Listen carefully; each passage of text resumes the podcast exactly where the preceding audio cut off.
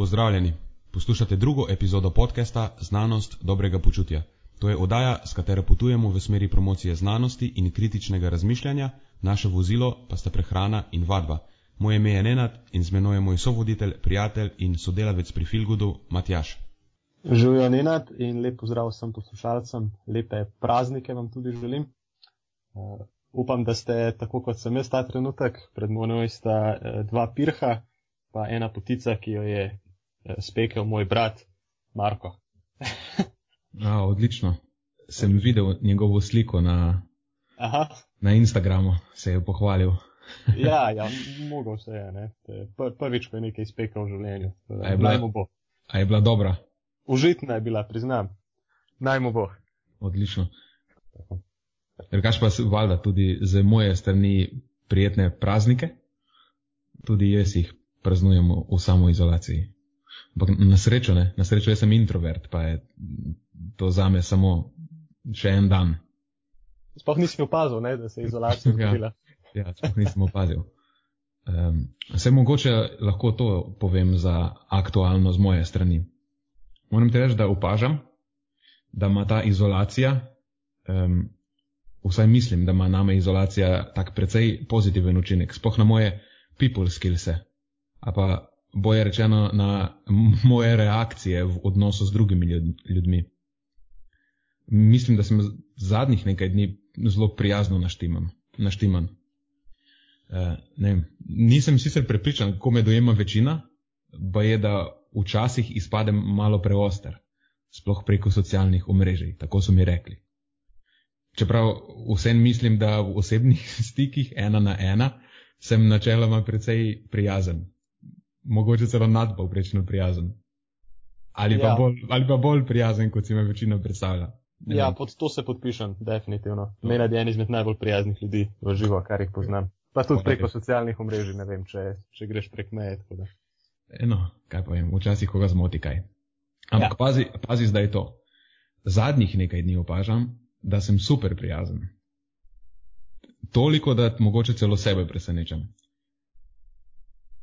Dobro, da pojasnim to zdaj. A, ja, veš tisto, a, ja, a veš tisto, ko si vsaj malo frustriran, ne vem, če ti to opažaš, jaz to včasih se mi zgodi, ko od varovanca dobiš kakšno nerodno vprašanje ali pa uh, vprašanje, za katerega pričakuješ, da že nekako znajo odgovor, ali pa ti kdo pošlje cel blok teksta, za katerega spoh ne veš, čemu je pravzaprav namenjen.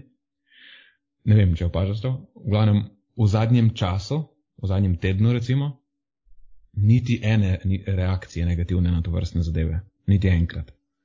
Konec tedna sem se celo enkrat ujel, da sem se razveselil bloka teksta. Da.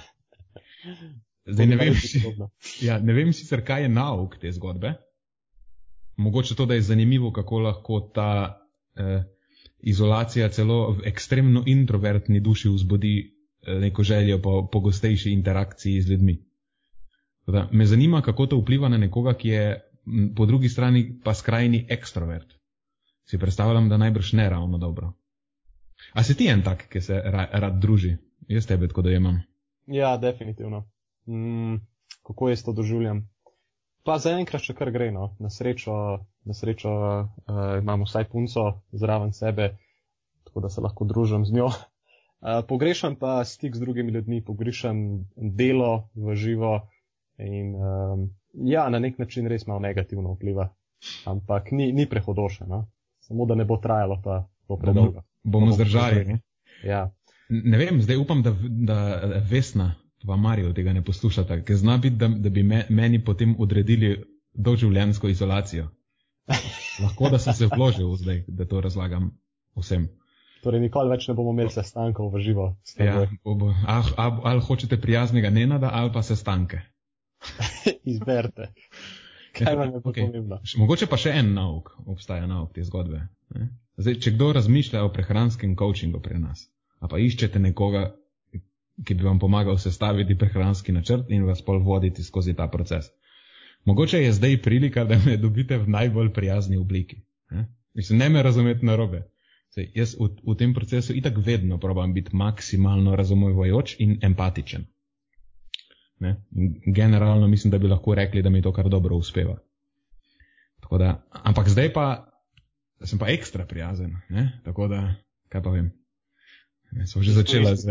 Ja, sva, že, sva že začela z, um, kako temu rečeva, brezsramna, brezsramna samo promocija. Tako, točno to. Ampak, lej, za, za aktualno, pa za najno ogrevanje bo čisto dobro. Se strinjam, definitivno. Ok, a mava še na, na tej točki kaj zapovedati aktualnega, razen tega, da jeva pirhe in uživava v samoizolaciji? Uh, ja, pravzaprav je ena precej eh, zanimiva novica iz sveta športov moči. Uh, in sicer mogoče poslušalci, a tudi ne, ne vem, če to kaj veš, kaj preveč o meni, ampak jaz sem zelo velik fan strongmana, že dolgo časa. Taka precej nišna športna disciplina je to, ne?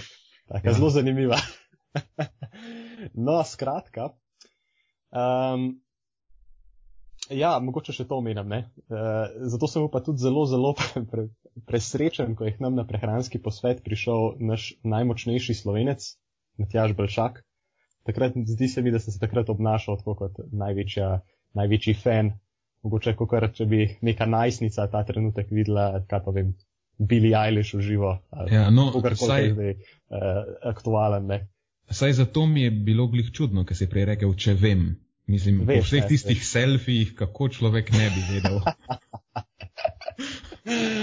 Samo en selfie je bil, nažalost, želel okay. sem jih več. Mario ni bil razpoložen za snemanje. Uh, skratka, kakšna je zdaj ta zgodba? Gre se za en uh, precej kontroverzni poskus uh, svetovnega rekorda v mrtvem dvigu, ki znaša celih 501 kg, kar, kar zajetna številka.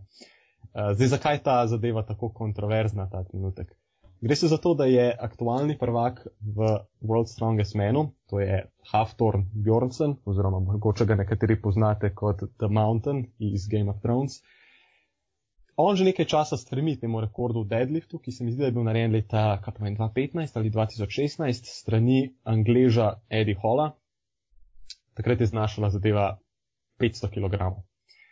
Um, no, letos zdi se mi, da ravno, ravno zdaj enkrat nekje na začetku aprila bi moralo potekati eno tekmovanje uh, World's Ultimate Strongman Event in sicer v Bahrainu in tam so v originalu planirali, da bi ponudili komorkoli, ki lahko dvigne čez 500 kg na deadliftu, denarno nagrado v višini 100 tisočih dolarjev. In uh, zelo je bilo nahajpano, ne, da bo tukaj ravno Haftor se sprobal in poskušal postaviti nov svetovni rekord v mrtvem dvigu, ampak seveda event je bil uh, skenslan zadnjo sekundo zaradi situacije, ki jo pač imamo ta trenutek. Uh, in kaj se je zdaj zgodilo? Event so v bistvu prestavili, zdaj le na začetek maja in to v kar v Haftorjev džim v Islandiji. Ne? Se pravi, kontroverzno je to, da bojo poskušali narediti tak uh, event kar pri nekomu pod narekovajih doma.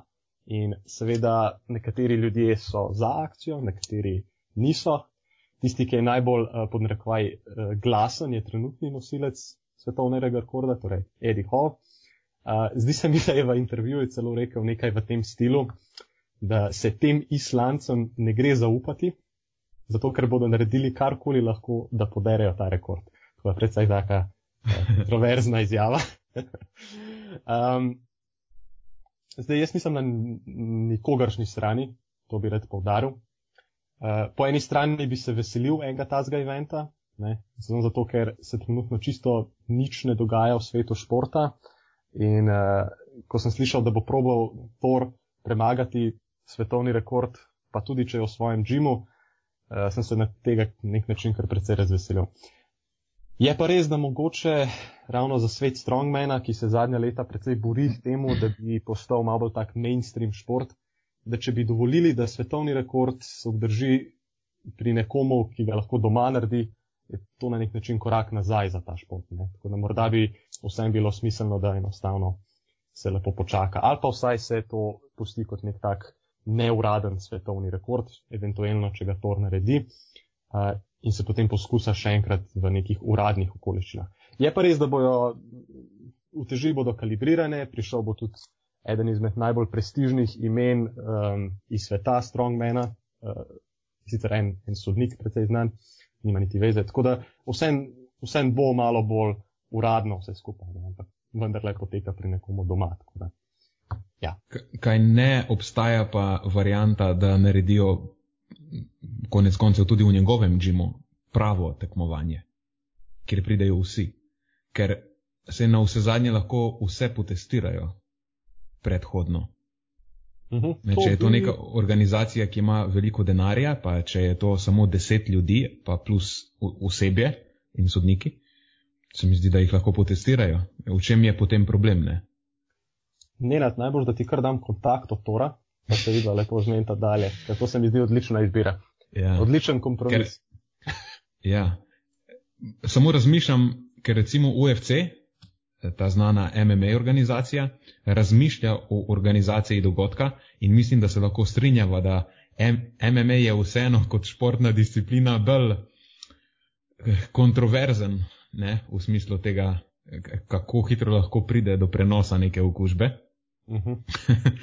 In vseeno razmišljajo o organizaciji dogodka, se mi zdi. In ga bodo izpeljali na tak Ne- način. Ne vem, kako ga bodo, ne vem, kako ga bodo izpeljali, se ne vem, če je to sploh zelo resna ideja. To je informacija, Joe Rogan je to informacijo, oziroma tam sem jo slišal pri njem. On kot glavni komentator tega dogodka, ne vem, na nekem otoku naj bi to zadevo probali izpeljati. In bi najbrž potem enako testirali ljudi prej. Ne bi bilo gledalcev in vsi udeleženi bi bili predhodno testirani. No, ampak to mi-. Mislim, da to samo razmišljajo o tem, nisem prepričan. Je pa, ja, vseeno ne. Zanimiva situacija s tem, kako eh, zdaj za nekaj mesecev smo ustavili vse športne dogodke. Ja, In jih že malo pogrešam, čisto iskreno. ja, vsi mi najbrž. Ja. Ok. Tako, A sva to se- moja a sva se aktualna ogrela? tema. Jaz sem ogret, ne, zunaj je Začneva 26 z- stopinj Celzija, jaz sem pripravljen za akcijo. Začneva z težkimi temami. Deva. Leva pol, eh, preden sploh odpreva kaj novega, moram jaz popraviti ena par katastrofalnih napak iz prejšnje epizode. Ne? Ampak ajde, ker tisto je bila prva in vsaka stvar ima na začetku te neke porodne krče, eh, ampak vse ne. Zdaj napaka lahko, lahko rečeva, da je, bila, da je bila predvsem moja, ker sem govoril na pamet v tistih delih o, o starosti eh, mišičnih jeder in o življenjski dobi teh mišičnih jeder, eh, sploh tam, ki jih raziskujejo s pomočjo atomskih eksplozij in izotopov, če se spomniš. Nenad, mislim, da ti bomo oprostili, no? Ne, ja, se bom probal udolžiti. Ne, noben ne bo, eh, noben bo oprostil kar tako. Si moramo, si moramo vsi to zaslužiti. V glavnem, potem, ko sem šel tisto poslu, poslušati znova, me je bilo naravnost sram, da sem si sploh dovolil razlagati o stvareh, ki jih poznam tako površinsko. Čeprav, čeprav po drugi strani, mislim, da ne smemo zanemariti niti peer pressureja strani Matjaža. Ker sem mu Mm. Če, če boš vzamem šli nazaj poslušati, bog ne daj, sem trikrat rekel, da nočem govoriti o tej stvari, ker nimam pojma, ampak je vseeno odrezal. Tako da Ja. ne, pre, To je prevzemam zelo- to je odgovornost, zelo tipično za me. ja, ampak vseeno, ne, mogoče si jo lahko vsaj malo razdeliva. Eh, no, v vsakem primeru je takšna vrsta vedenja popolnoma nesprejemljiva za podcast, ki naj bi vozil v smeri promocije znanosti in kritičnega razmišljanja. Tako da um, prejmite najno iskreno obžalovanje. Jaz bom zdaj svoje napake probo popraviti, potem pa se bova oba uh, potrudila ali pa da je reči, da bova uh, vložila maksimalen trud v to, da se takšne stvari ne bodo več ponavljale. ponavljale. Bova potrebovala na naslednjem podkastu spet kaj za nazaj popravljati. Ja, tako je, ker ojej, se sploh ne vem, kako naj se lotim tega. Um, pa neč najboljše, da, da kar začnem na začetku, da naredim malo osvežitve.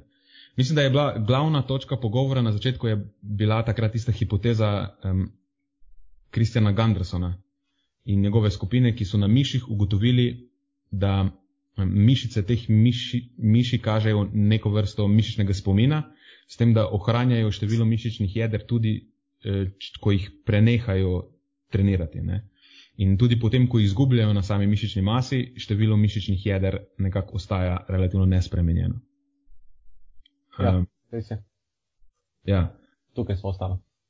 Tako, pač ideja je, da med procesom treninga za mišično hipertrofijo se število jeder poveča in um, ta mišična jedra so tista, ki so primarno odgovorna, a pa bolje rečeno vsebujejo navodila za sintezo novih mišičnih beljakovin in potem, ko so jih detrenirali, pač ugotovijo, da se, da se um, zmanjša ja, masa njihovih mišic in da število jeder vseeno ostane nespremenjeno.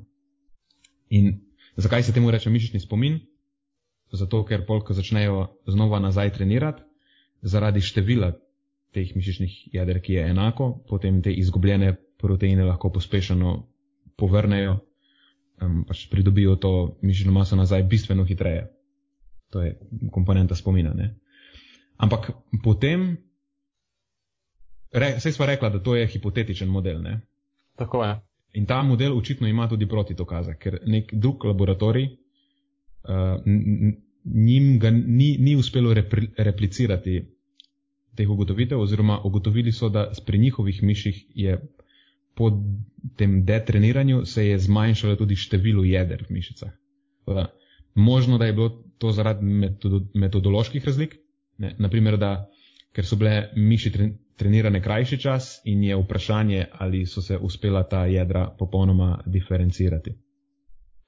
No, v glavnem smo že rekla, da je tukaj še veliko neznanega in da je to še vedno samo hipotetičen model. Um, potem pa se mi zdi, da na hitro si omenil tudi um, Roberta Siborna, pa njegovo skupino. A je tako? Res je, ja. Oni so pa hipotetizirali še v dodatnem epigenetskem mehanizmu mišičnega spomina. V, e, v enem članku je nekdo drug je napisal epispomin, je v naslovu, se mi je zdelo smešno. Mišični epispomin, ne kot epigenetski spomin.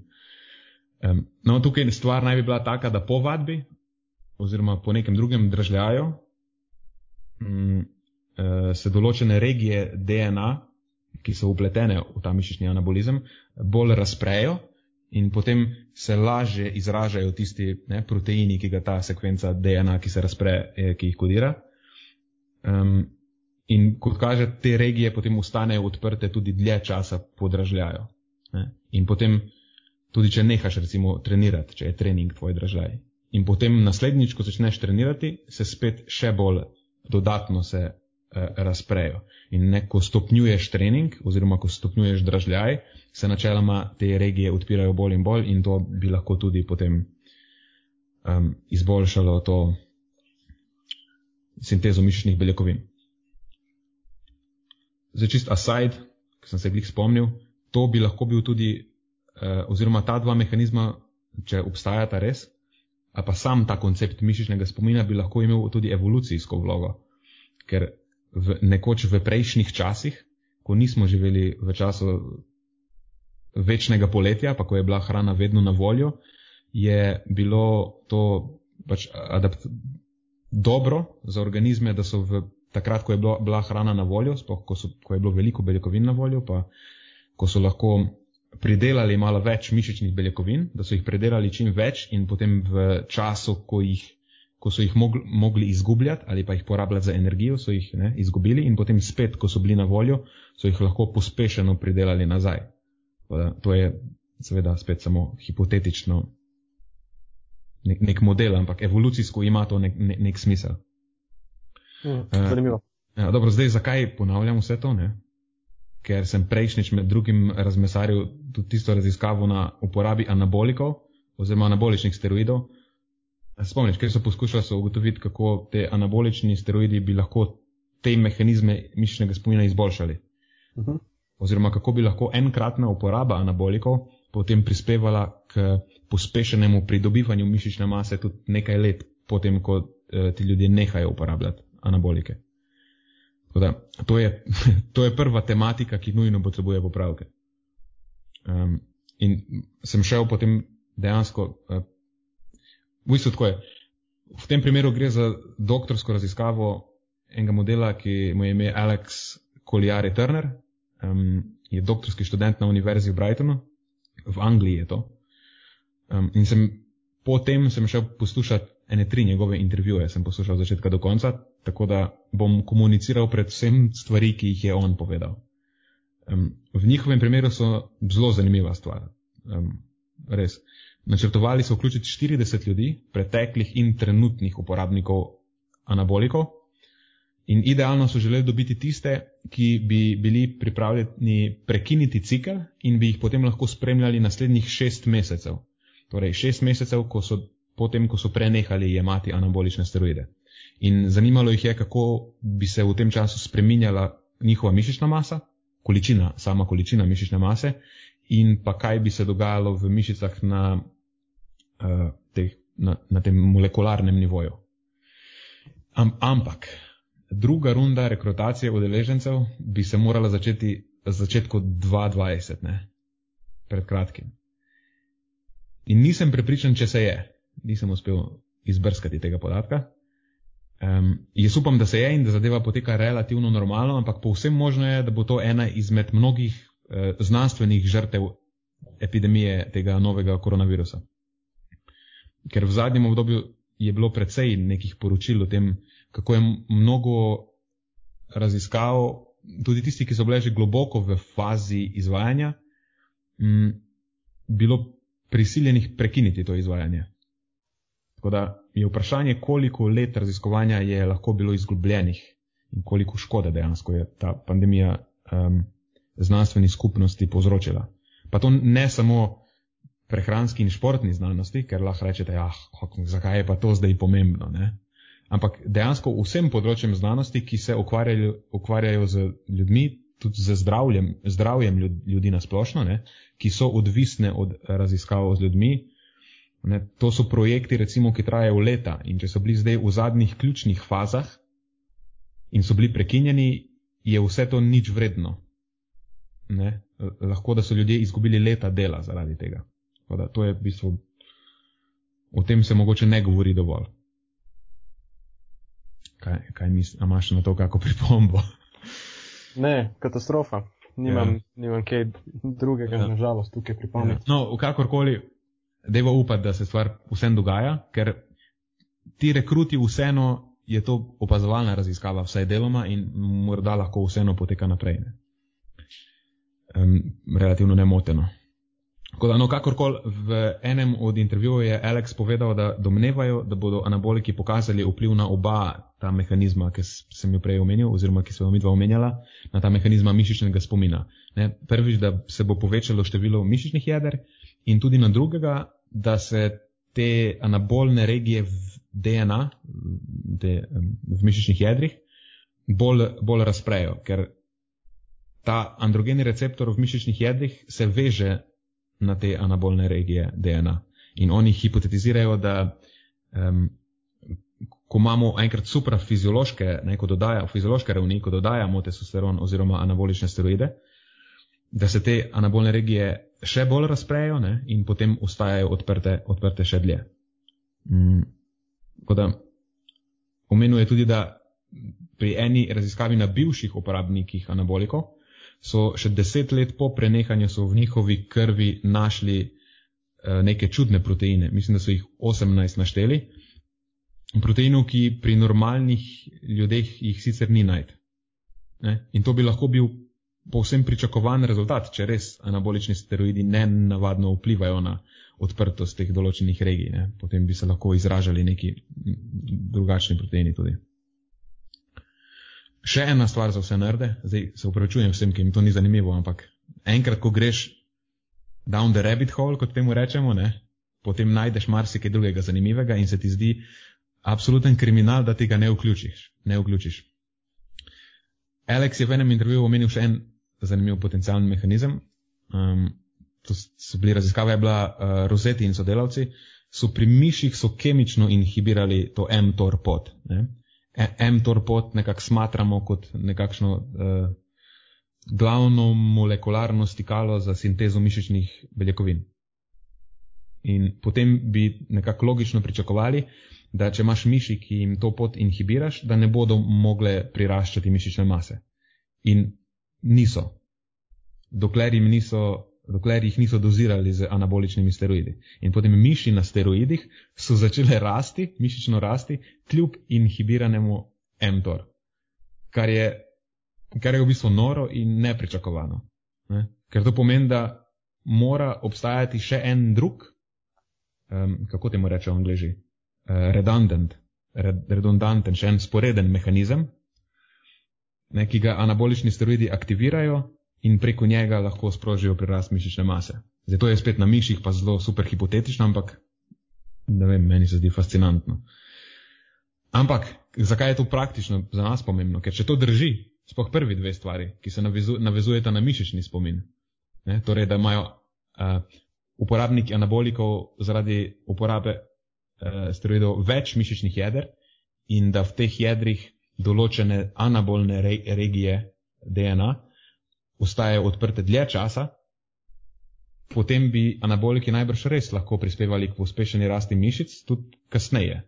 Torej, tudi ko recimo športnik preneha z jemanjem anabolikov in če bi se to dokazalo, predvidevam, da bi to imelo kar pomembne implikacije za, za doping oziroma za protidoping v športu. Ker potem se moramo vprašati, kaj narediti s tistimi, ki so enkrat padli na testo za anabolike. Je dovolj, če se jih samo vem, suspendira za par let? Ker če nekoga, tudi če nekoga suspendiraš samo za leto ali dve, koristi anabolikov pa ne, vem, ne vemo, kako dolgo dejansko lahko trajajo. Recimo, da trajajo več let kot, več let kot dve, potem kljub suspenzu kasneje v karieri še vedno so v neki nepravični prednosti pred ostalimi. Kaj, ne? Ja, ja, točno na to sem, uh, sem namigoval zadnjič, ne? da mogoče, da, bo, da bojo te raziskave ravno spremenile uh, politiko iz tega sveta. Ne? Zdaj, ne poznam, kakšna je zgodba pri vseh športih, uh, ampak vem, da pri nekaterih enostavno, kdaj samo dobiš um, udarec po roki, pod narekovaj, pa te mogoče suspendirajo samo za pol leta, potem ko te drugič dobijo, ali pa morda za dve leti in šele potem, ko te drugič dobijo, te suspendirajo za celo življenje. Ne, mogoče se bo ta zadeva ob luči novih dokazov spremenila v prvič te dobimo in to je to. Nikoli te več ni na, na, na športni sceni. Ne. Ja, zdaj ali videl, pa. kako se bo stvar raz, razvijala dalje. Ja, ali pa bodo rekli, ker na koncu dneva so v športu vseeno kruh in igre. Ne? Ja. ja, to je sicer an unpopular opinion. Um, sej, tukaj že zaideva na moralno, ne, na nek, v, v neke moralne vode, v etične vode. Koliko ljudi dejansko uporablja anabolike in ne, kako dober je ta protidoping v športu. Ja. Mm. Nažalost pa mislim, da bi na tej točki lahko samo ja. sklepala oziroma no, se, gibala. Tako, tu, tukaj bova zdaj upoštevala naj prvi na svet iz začetka in bova nehala govoriti. Tako, najbolj. Oziroma, v bistvu še zmeraj to je samo prvi del. Ne? In se to vprašanje, kako dolgo ta stvar traja, nas tudi pripelje do uh, tistega drugega vprašanja. Nekako, oziroma tistega drugega dela, ki ga moram popraviti, kako dolgo ti učinki ostanejo ne, in da tiste raziskave o tem roku trajanja teh mišičnih jeder in raziskovanja tega s pomočjo jedrskih eksplozij in izotopov, vsega tistega, kar sem zadnjič tako grdo razmesaril, da pripravite se zdaj na popravek številka 2. Um, v bistvu gre za eno raziskavo iz leta 2005, ker so Spalding in sodelavci so objavili raziskavo o, o turnoverju različnih eh, človeških tkiv. Zdaj, turnover, kako bi to prevedla, obnavljanje pa recikliranje človeških tkiv. Um, in pri tem so uporabili tehniko, ki temelji na dostopnosti izotopa oglik 14. Bomo skrajšali to na 14C. Um, čist na kratko, mogoče kako deluje ta metoda, nekako temelji na treh spoznanjih. Da je vsebnost tega 14C izotopa je po drugi svetovni vojni začela naraščati, pač kot posledica testiranj jedrskega orožja in največjo aktivnost v atmosferi je ta 14C dosegel okoli leta 1960. Ker nekaj let potem, um, mislim, da so potem vele sile so sporazumno prepovedale uh, prosto testiranje atomskega orožja. Tako da to je moja prva napaka takrat bila, metoda se ne zanaša samo na obe bombi, ki so jo dejansko uporabili v vojni proti Japonski, ampak na kumulativen rezultat vseh testiranj ne, do prepovedi, ki so potem povzročile dvig tega 14C v atmosferi. Um, no, potem je druga točka, na katero se, oziroma drugo spoznanje, na katerega se zanaša ta tehnika, je, oziroma metoda, je ta, da um, organska kemija ali pa kemija živih bitij temelji na ogliku. Ne? In ta oglik je zelo prominenten element v, v vseh živih, živih tkivih.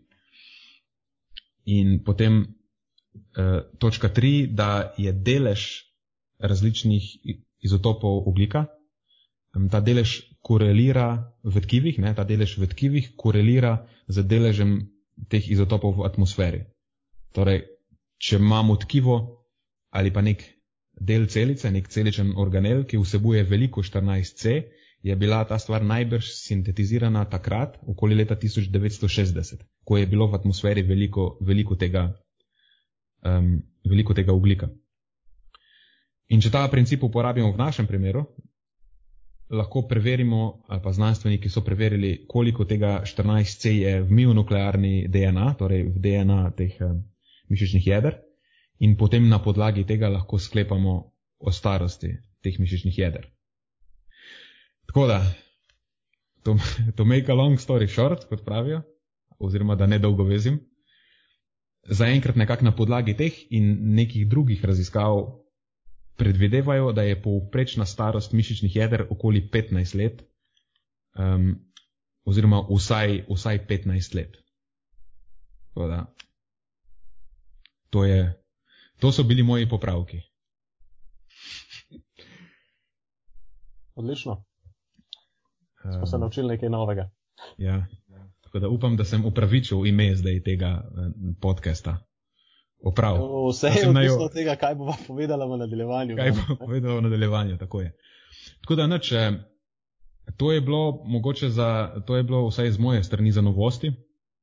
Kaj imaš ti kaj danes pripravljeno? Uh, jaz bom pa pripravljen en članek, sicer ni, ni nov članek, minilo je že eno leto, odkar je išel ven. Zakaj se mi zdi pa pomemben pod novosti, je ravno zaradi te situacije, v kateri smo se znašli in ko treniramo zunaj.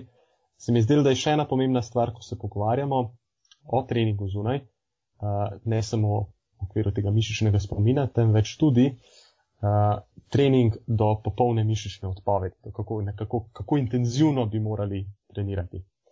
Um, skratka, moramo trenirati mišice do popolne mišične odpovedi, da iztržimo iz treninga z bremenom največ, kar se da, ali je lahko to celo kontraproduktivno v določenih situacijah. Um, tako da moj del se, prvi del se nanaša na eno raziskavo iz leta 2019 od Schoenfelda in Grgiča. Uh, to je v bistvu neke vrste pregledni članek, v katerem uh, malo razglabljajo o raziskavah, vseh raziskavah narejenih na to temo. In načeloma raziskave iz tega sveta kažejo, da takrat, ko je volumen treninga enak, volumen treninga je definiran kot uh, število serij, ki jih upravimo na trening, krat število ponovitev, krat breme. Oziroma, če malo poenostavimo stvari v podnarekovaji resničnem svetu, volumen treninga običajno štejemo kar kot število težkih serij na trening. No, in ko je volumen treninga enak, potem trening do odpovedi v večji meri uh, vodi lahko celo do slabših rezultatov, dolgoročno gledano, ker ima lahko negativen vpliv uh, na regeneracijo. Zdaj, iz tega vidika, ne, zdaj, če ne treniramo do mišične odpovedi, kako za vraga se ne pa potem orientiramo tekom treninga. Uh, ene par priporočil podajo raziskovalci, pa se mi zdaj zanimivo, da bi jih lahko uh, malo razglabljala. Prva je ta, da predlagajo, da naj bo večina treninga v tako imenovanem RIR-2 območju. RIR je kratica za Reps in Reserve, oziroma po domače povedano, to pomeni nekako, koliko ponovitev pustimo v tanku v tisti seriji. Ne? Če recimo RIR-2, potem bi lahko najbrž naredili še cirka dve ponovitvi, preden bi bila to popolna mišična odpoved. Raziskovalci nekako priporočajo, da se večino treninga upravi v tem območju, nekje do dveh ponovitev pred popolno mišično odpovedjo, ampak v realnem, resničnem svetu že tukaj lahko naletimo na eno večjo težavo, ki jo tudi jaz opažam v praksi in to je, da ljudje zelo pogosto, še posebej tisti, tista manj trenirana populacija, um, ne pozna točno svojih limitov, ne, ne vejo točno, kaj lahko res zmorejo, ne vejo pravzaprav, kaj je popolna mišična odpoved. Ne. Za njih tist RIR 2 lahko v praksi pomeni, ne vem, RIR 5 ali pa 6, ne, kar seveda ni nekako optimalno gledano, ker potem puščajo nek, nek delež napredka na mizi, če se lahko tako izrazim. Um, je pa res zanimivo, da raziskave kažejo, da, no, zanimivo ali pa logično po drugi strani je to, da več časa, kot treniramo, nekako boljši postanemo v tem subjektivnem ocenjevanju svojih sposobnosti. Tako da moče ta RIR-2 pravilo bi bilo za nekoga, ki eh, se že nekaj časa ukvarja s treningom z bremenom. Morda ne pa nekaj, kar bi bilo tako generalno gledano zelo uporabno za, za širšo populacijo, še posebej za tiste, ki so precej novi v tem svetu. Drugi predlog, ki ga dajo raziskovalci, je, da omejimo trening do popolne odpovedi na zgolj eno serijo na mišično skupino na trening. Na ta način po eni strani lahko lažje dosežemo nek tist zadostni volumen treninga za optimalni napredek, ampak sočasno pa ne naletimo na te težave z regeneracijo. Tako da, ne vem, karikiram, naredimo, um, če je v planu, da naredimo štiri serije sklec, ne, potem lahko prve tri serije naredimo v tem RIR 2 območju, pustimo dve ponovitvi v tanku, potem pa tisto zadnjo serijo sklec gremo pa po narekovaji olin. Tretji predlog je, da večino svojega treninga do popolne odpovedi namenimo predvsem tistim manjšim mišičnim skupinam uh, v bolj preprostih vajah, ne v teh enosklepnih vajah. Uh, in jih ne uporabljamo toliko za tiste bolj kompleksne vaje, ki vključujejo več mišičnih skupin in večje mišične skupine, recimo počepi, pa mrtvi dvigi in podobno.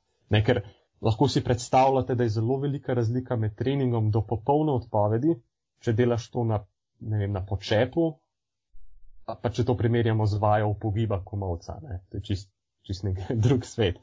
Um, ne, pri, pri slednji opciji si zagotovo nakopljamo veliko manj, veliko manj sistemske utrujenosti.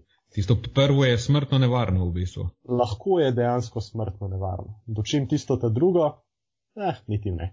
Pač narediš par, eno serijo bicepsov do popolne odpovedi, dobiš malo dobrega pompa, greš ven žurat in to je to. In si zmagal za ti dan.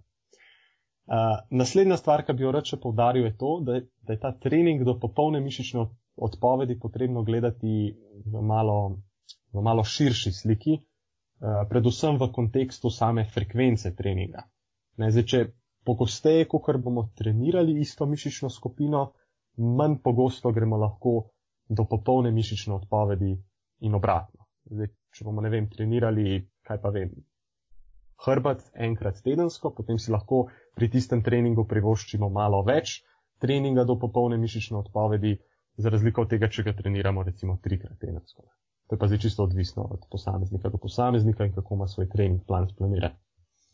Um, ok, za konec bi mogoče samo še, še to rad povdaril, da imamo trenutno še vedno veliko omejitev v tej, v literaturi iz tega sveta.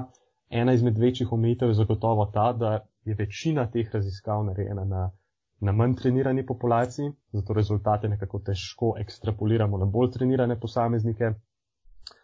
Um, ampak, če bi dal eno tako bottom line priporočilo, uh, tako kot sva se tudi mi dva zadnjič pogovarjala, Nenad, zdaj mislim, da si dal ti ta primer, ne, zdaj, če ste pač. Uh, če ste delali v fitnessu prej nekje med 6 in 12 ponovitev, pa vam je bilo to težko, zdaj pač ne morete iti ven, pa narediti 6 do 12 ponovitev sklec, pa reči, evo, to je to, ne. Mogoče boste mogli iti pač malo bliže odpovedi, kakšna ponovitev več, malo bolj intenzivno. Um, ampak tako, generalno gledano, intenzivnost uh, do popolne mišične odpovedi uh, je nekaj, kar je treba biti pozoren, ko planirate svoj trening. Uh, pazite, da ne gre vseeno vsakič do mišične odpovedi. Uh, kot ko planirate trening, mogoče planirajte tako, da greste do mišične odpovedi, predvsem pri tistih manj kompleksnih vajah in pa morda v nekem omejenem obsegu serij. Ne zdaj vsako serijo, mogoče samo zadnjo serijo. Tako, ne vem, ne, kaj praviš, je to ti zdelo to kaj uporabno. To to so odlična priporočila. Okay. Um, kar bi dodal, mogoče je edino to, včasih kdo misli, da um, veš, če narediš 8, pa je to reps in reserve 1, pomeni, da bi jih lahko naredil 9. Ne? Kaj dejansko pridobiš s tisto? Tudi če rečemo hipotetično, da sama odpoved ne bi bila negativna, ne bi imela negativnega vpliva, da bi še zmeraj vplivala ugodno na sintezo mišičnih beljakovin, ne, oziroma tako na, um, na pridobivanje mišične mase, um, gledano skozi daljše časovno obdobje. Ne, koliko je zdaj, kakšna je moč učinka te ene dodatne ponovitve? Ne? Ali je res vredno? Um, a, a se res plača? A, a, se res, a se res splača? Ker že nekako štiri reps in rezerv je uh, do, lahko do, dovolj stimuli, da sproži mišično rast. A je tako? Ja, definitivno. Ja, recimo neka spodnja meja. In to zdaj ni, potem če jih narediš tri, to zdaj ni trikrat večji stimuli. Ne? Ta stvar upada. Je, um, ne, ta krivulja se splošči na vrhu. Um, ma, manjši, eh, kako se temu reče, manjši return dobiš, kljub temu, da je to ena ponovitev več. Tako da tudi iz tega vidika je pa tveganje za poškodbo pa je definitivno potem večje, narašča. Tudi kakovost ponovitve je manjša, um, bolj prispeva po moje k neki utrujenosti, poveča breme regeneracije. Tako da ja, mislim, nič kaj dosti pametnega nimam dodati na tej točki. Mogoče bi sam še eno stvar omenil, da si lahko poslušatelji res eh, predstavljajo, kaj to sploh pomeni popolna mišična odpoved, ker se mi zdi, da, da, da mogoče nimajo vsi res predstave, kaj to pomeni. A, vam povem malo iz praktičnih izkušenj, kako to delajo v raziskavah. To je skupina enih raziskovalcev in oni se na nek način dobesedno derejo na te, da, da jih stržeš še ven tistih, tistih par ponovitev, ki jih lahko. Ne? To je res. Um, angliži temu rečejo gun to your head. Ne? Če bi imel pištolo usmerjeno v svojo glavo, a bi lahko stisnil še kakšno ponovitev več. Ne, to ni tisto, da se uležeš na bench press, pa narediš 8 ponovitev, eh, pa daš potem nazaj preš, ma dobro, imel sem še ene dve ponovitvi v tanku, ko bi v realnosti jih lahko naredil še, ne vem, 4, recimo, ne. Če bi imel tist uh, gun to your head. Tako, samo za, da bo to jasno. Um, ja. In, ja, to je dejansko v literaturi preverjeno. Tako. Če vprašaš ljudi, koliko, koliko je njihov, oziroma če jih vprašaš, kje je za njih failure z eno težo, pa ti rečejo deset, recimo, pa jih daš v laboratorijski setting, kjer se dejansko ti ljudje derejo na njih, z enako težo lahko naredijo bistveno več ponovitev. Ne, tako da to, je, to so raziskave na netreniranih ljudeh, valjda, s treniranjem postaješ boljši, kot je povedal Matjaš v tem, da prepoznaš, kaj je za te true failure, ampak res tudi pri nas v praksi in v, tudi v literaturi je potrjeno, da generalno so, smo netrenirani slabši v tem, da ocenimo, kaj je za res failure. Ja, Tako da tudi, tudi to je nekaj za upoštevati. Ja, res je dober input. Ampak za nekoga, ki pa je že napredni treniranec, relativno, ali pa nekje intermediate, srednji, Mislim pa, da večina nekako enkrat, ko smo nekje na sredi vajeni trenirati, vemo, kaj je, kaj je za res failure. Vse, ko več ne moreš, ne, ko več dejansko ne moreš nečesa dvigniti, po je konc. Tako, tako. In to je najbrž že preveč. to je najbrž že preveč za večino. Oziroma, vsaj ni vredno, cost-benefit kalkulacija se, se ne izide, bi rekel. Ja, točno to. Zdaj, če, pa gledaš, če pa gledaš dejansko neke hardcore builderje, eh, kako oni trenirajo, doskrat do odpovedi, sploh če so to neki na visokem nivoju, ko, ki tekmujejo v raznih organizacijah, za katere pač lej, vemo, da so suportani, da uživajo posebne športne dodatke. Ne, ne samo kreatina. Ne? Ja, ja, to so po, po, posebni športni dodatki. Specialni, bomo rekla, specialni športni dodatki. Um, za njih pa je zgodba mogoče malo drugačna. Ne? Prej smo obudili tisto temo o vplivu anabolikov, um, kako izboljšajo vse aspekte pridobivanja mišične mase in pač regeneracije. Ja, ne moremo sklepati navad, v treningu navadnih ljudi ne moremo sklepati ne, na podlagi treninga eh, najbrž podprtih atletov. To si se lepo izrazil. Ja. najbrž podprtih atletov. Pa moramo ostajati diplomatski. točno to, točno to. okay. Potem pa uh, ena tema, naslednja tema glede tega, ki se navezuje na to prvo temo, uh, je pa nekaj v okviru beta-lanina. Uh, zdaj, za tiste, ki ne veste, beta-lanin je ena aminokislina, ki sicer lahko najdemo v prehrani, predvsem v mesu. Lej, čak, zdaj te bom prekinil, da bom. Sam, ker, ker to morajo ljudje vedeti. Matjaš, Matjaš je vsaj slovenski ali pa širše kralj beta-alanina. Da, ko on začne govoriti o beta-alaninu, potem so ostali tiho. Da, jaz bom kar iz, izklopil bom svoj mikrofon. Prosim, Matjaš, nadaljuj. Se upravičujem, ker sem te prekinil. Ne, ne, hvala, hvala, me veseli, to je zelo, zelo dobro. Um, ok, potem pa moče lahko to omenim. Ja. Uh, skratka, jaz sem naredil uh, v okviru svojega, v okviru svoje magistrske naloge, sem naredil raziskavo o beta-laninu. Zdaj, beta-lanina, kot, kot sem omenil, je ena beta-aminokislina, ki jo lahko sicer najdemo v prehrani, v, predvsem v mesu in ribah.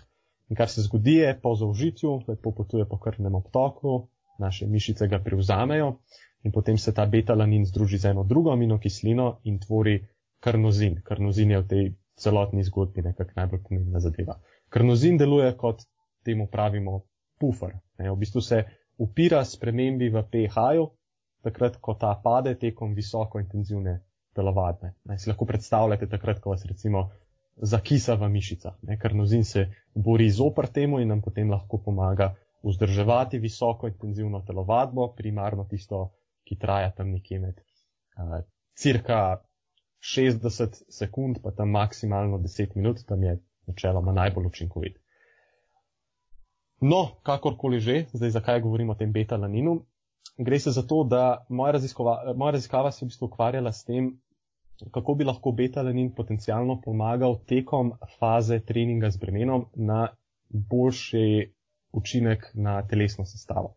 Torej, imel sem, uh, naredil sem randomizirano, kontrolirano raziskavo, to pomeni, da ne jaz, ne udeleženci moje raziskave niso vedeli, kaj so prejemali, lahko je bil to beta-lanin lahko je bil pa to za tiste nesrečnike enostaven sladkor, Ma, malo to dekstrin.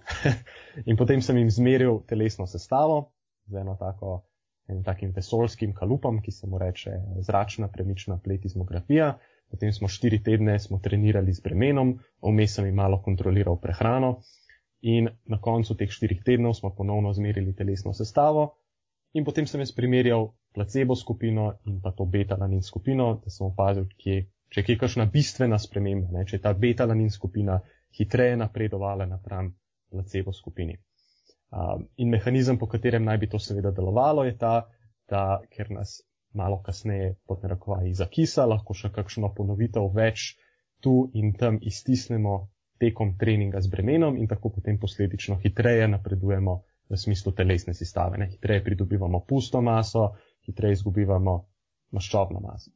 Zdaj pa kar sem se jaz potem vprašal, ne, tak food for thought, pa nimam še nekega pametnega odgovora, uh, je to, da če trening do popolne mišične odpovedi sploh v osnovi ni potreben, kot smo se pogovarjali v prejšnjem poglavju, aj potem sploh dodajanje beta-lanina smiselno.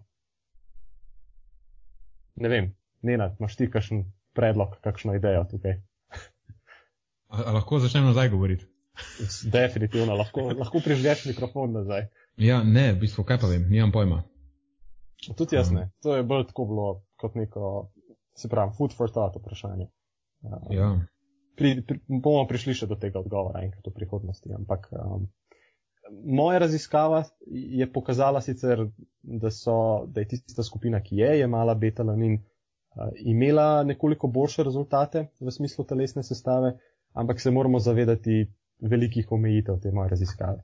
Sem po eni strani nisem imel veliko nekih preiskovancev, uh, tudi sama raziskava ni trajala precej dolgo, ne, čeprav dobiti uh, dobit skupino ljudi, študentov, tekom poletja, da ostanejo na kampusu samo zaradi tebe in tvoje raziskave, meni se je to zdelo nekaj da ne vem, če bi lahko v tistem danem trenutku, glede na okoliščine, pa čas, ki sem ga imel na voljo, zadevo speljal boljše, ampak mogoče pa, oziroma računam na to, da bo nekdo to opravil boljše v prihodnosti.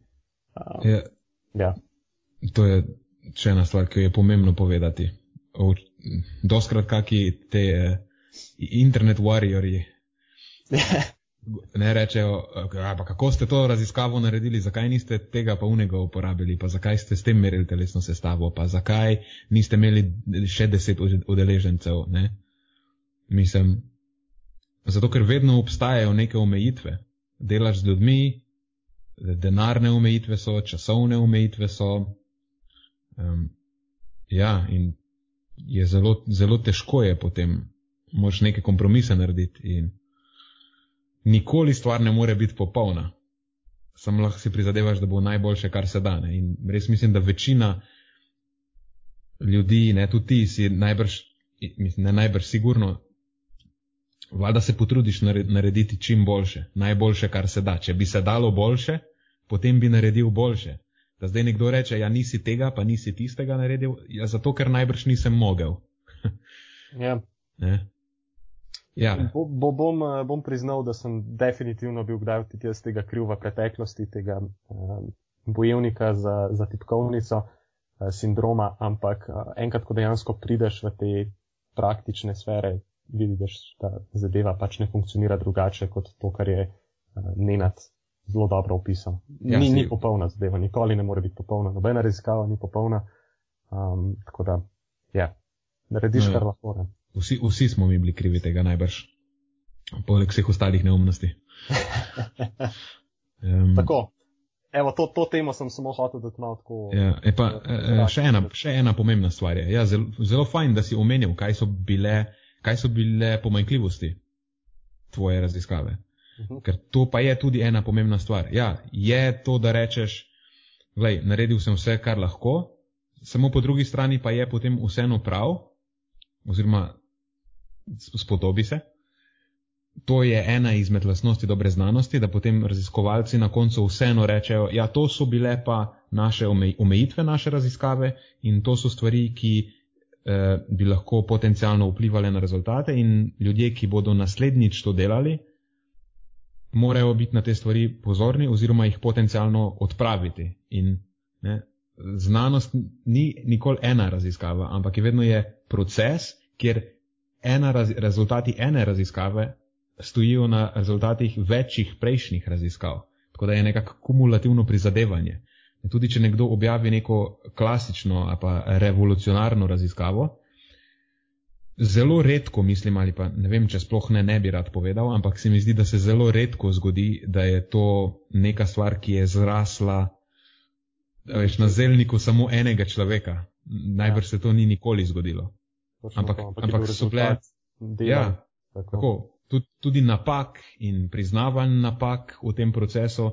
Marsikdo je naredil kako napako, pa je eh, za to, to napako moral priznati, um, pa potem nekako ne, a veš, ne dobi zasluge za tisti končen produkt tega. Ne vidimo v ljudi, ki so, ki jim, za kere rečemo, da jim je nekako spodletelo v tem procesu, ampak v bistvu jim ni spodletelo, ker tudi priznavanje napak je pomemben del znanosti, mogoče celo ključen, ključen del znanosti. Je, je to, da priznavamo napake, pa jih odpravljamo, je morda še bolj pomembno kot tiste končne, vsaj v, v, v tem, v tem kako, kako znanost mora delovati. Je, to je glavna vrednota, da, da iščeš napake in da si sposoben priznavati napake. Ker takrat, ko ugotoviš, da je nekaj narobe, a pa ko dokažeš hipotezo, da je napačna, to je dejansko edini moment, ko si zagotovo prepričan o nekaj. Ne? Takrat si dokazal, da ta stvar ne drži, ker znanost težko dokaže, da nekaj zares drži. Ne? Vedno samo obstaja nek spektr in potem na, na tem spektru lahko predpostavljamo, kako, kako daleč na tem spektru resničnosti je nekaj, ne? Kak, s kakšno gotovostjo lahko nekaj trdimo ko skoraj v procentih si lahko predstavljamo, na podlagi vseh dokazov, ki obstajajo, smo 90 ali pa 80 odstotni, da je ta trditev, ki jo govorim, resnična. Ne? Nikoli v bistvu ne more biti 100 odstotno neka stvar resnična. Edino krat, ko je nekaj resnično, je, da ko zagotovo do, dokažeš, ko dobiš proti dokaz, da to ni tako. tako ja, res je. Konec mojega filozofiranja. ne, na, kaj, na čem bi pa ta podcast slonil, brez mojega filozofiranja, bi se bilo brez veze. Ja. Um, ok, a so bile to tvoje novosti? To so moje novosti. Ok, po, potem ti lahko povem, kaj je mene fasciniralo prejšnji teden. Uh -huh. razen, razen unih mionukleov. Um, v, to, v bistvu je ta stvar je stara dva tedna, se mi zdi že. Ni, ni iz prejšnjega tedna, ampak mi ni je uspelo stlačiti v prejšnji podcast. Um, govori, cela stvar je, govori o učinku stresa, oziroma konkretno stresnega hormona kortizola. Tako reči, kortizol je sicer hormon, ki ima tudi druge vloge, med drugim uravnava tudi cikl budnosti in, in spanja, ampak do, pogovorno mu rečemo stresni hormon, zaradi tega, ker ko smo izpostavljeni neki obliki stresa, je to tisti hormon, ki se sproža in pomaga tudi mobilizirati eh, pač energijo in fiziologijo našo nasplošno, da bi bili bolj sposobni se odzvati na ta stres. Da, zato mu rečemo stresni hormon. Ne? In konkretno raz, raziskava, o kateri nameravam govoriti, je raziskovalce je zanimalo, ali ima ta kortizol vpliv na apetit. Um, ker vemo, da obstaja neka stvar, ki jo rečemo stress eating, ne? prenajedanje ob stresu, bi lahko tako temu rekli, se mi zdi. Uh mhm. -huh. da, je, da je to čist dober prevod. Čisto na mestu. Um, ok, mogoče predn se lotim konkretne raziskave, malo ozadja. Um, ja, ta eden izmed odzivov na stres je lahko tudi povišen vnos hrane in pa energije na splošno, se ni nujno, da je iz hrane, lahko je iz napitkov. In pogovorno temu rečemo uh, comfort eating. Zdaj, to ni komfort v smislu, da ti je udobno, ampak je komfort kot tolaženje ali pa uteha. Ne? Tako da po slovensko bi bil prevod tega tolaženja s hrano oziroma iskanje utehe v hrani. In lahko bi rekli, da je to patološki mehanizem za shajanje s stresom. Ker vsaj v sodobni družbi, kjer nam energije ne, primanjku, ne primanjkuje, ne, um, to ponavadi ni prava fiziološka lakota, ampak je potem tako početje pogosto vir odvečnih, slash nepotrebnih kalorij, um, ki potem prispevajo k pridobivanju mišične, mišične odvečne maščobne mase. Oh, kot bi vsaj bilo mišične. Ja, kot bi vsaj bilo mišične. Potem bi bili vsi bodybuilderi. Maščobne mase. Epidemija bodybuilderjev. Ja. In pač ni mi potrebno največ povdarjati, da je odvečna maščobna masa zdravstveno gledano je precejšen problem. Ne? Tako da vedenje, ki te premika v smeri povišanja maščobne mase, spoh čez neko mero zdravega, je bolezensko, pač zato patološki mehanizem. No, kakorkoli, vemo, da ta lakotni odziv na stres, to vemo, da je dejanski fenomen. Dokazi nekako namigujejo v smeri, da je nekje 70 do 80 odstotkov ljudi takšnih, ki so stres iteri, temu rečemo. Torej, to so tisti, ki pojejo potem, ko so izpostavljeni stresu, potem jejo več. Potem pa po drugi strani nekje 30 odstotkov do 20 odstotkov je pa takih, ki po stresu pojejo manj. Njim rečemo non-stres iteri. Še ena ugotovitev pa je, da ljudje po stresu načeloma kažejo preferenco za visokokalorične prigrizke. Um, a pa temu v literaturi rečemo, high, niso nujno visokokalorični, ampak so hyperpalatable. Nisem našel dobrega, oziroma ne najdem dobrega prevoda za to besedo. To pomeni dejansko preokusno hrano. Ne? Tista hrana, ki je zelo okusna, ampak načeloma je to hrana, ki je tudi kalorično zelo bogata. In primer, če imamo skupino ljudi in jih eh, enkrat izpostavimo stresu, enkrat pa jih damo v tak resting setting, v nestresen setting in jim ponudimo različne vrste hrano, naprimer sadje ali pa bombone, bodo v stresirani večkrat izbrali bombone, ne, ker so energijsko bolj bogata, pa bolj sladka, okusna hrana, kot pa sadje. Dočim, če jih damo v nestresiran setting, bodo pogosteje izbirali sadje. To vemo, da se tudi zgodi. Poleg tega, ne, torej, poleg tega, da stresiran si načeloma želiš več hrane, je ta hrana preferenčno tudi kalorična hrana. Vsaj mislim, da nobeden ali pa večina si ob stresu najbrž ne zaželi lososa in brokoli. oziroma dejansko raziskava, o kateri nameravam govoriti, je tudi ponuja dokaz, da si vsekakor ne želiš lososa in brokolija. Um, no, ampak zakaj dejansko pride do tega odziva? Zakaj stres povzroča, da bi, bi jedli več, kaj je ta točno mehanizem, ne vemo. Um, zdaj, ena prejšnja raziskava, enkrat se spomnim, da smo naredili celo infografiko o tej raziskavi, je um, nekje na Facebooku, mora biti še, še skozi objavljena na mojem profilu. Je 2018, Kistenbacher in sodelavci so recimo hipotetizirali, da bi lahko bil uh, razlog, bi lahko bila sprememba, oni so temu rekli, neuroenergetskega statusa v možganih. Um, ok, by the way, ta Kistenbacher in sodelavci raziskava je ugotovila, da 80 odstotkov njihovih udeležencev je pojedlo več, ko so stresirani. Torej, 80% jih je bilo stres iterjev.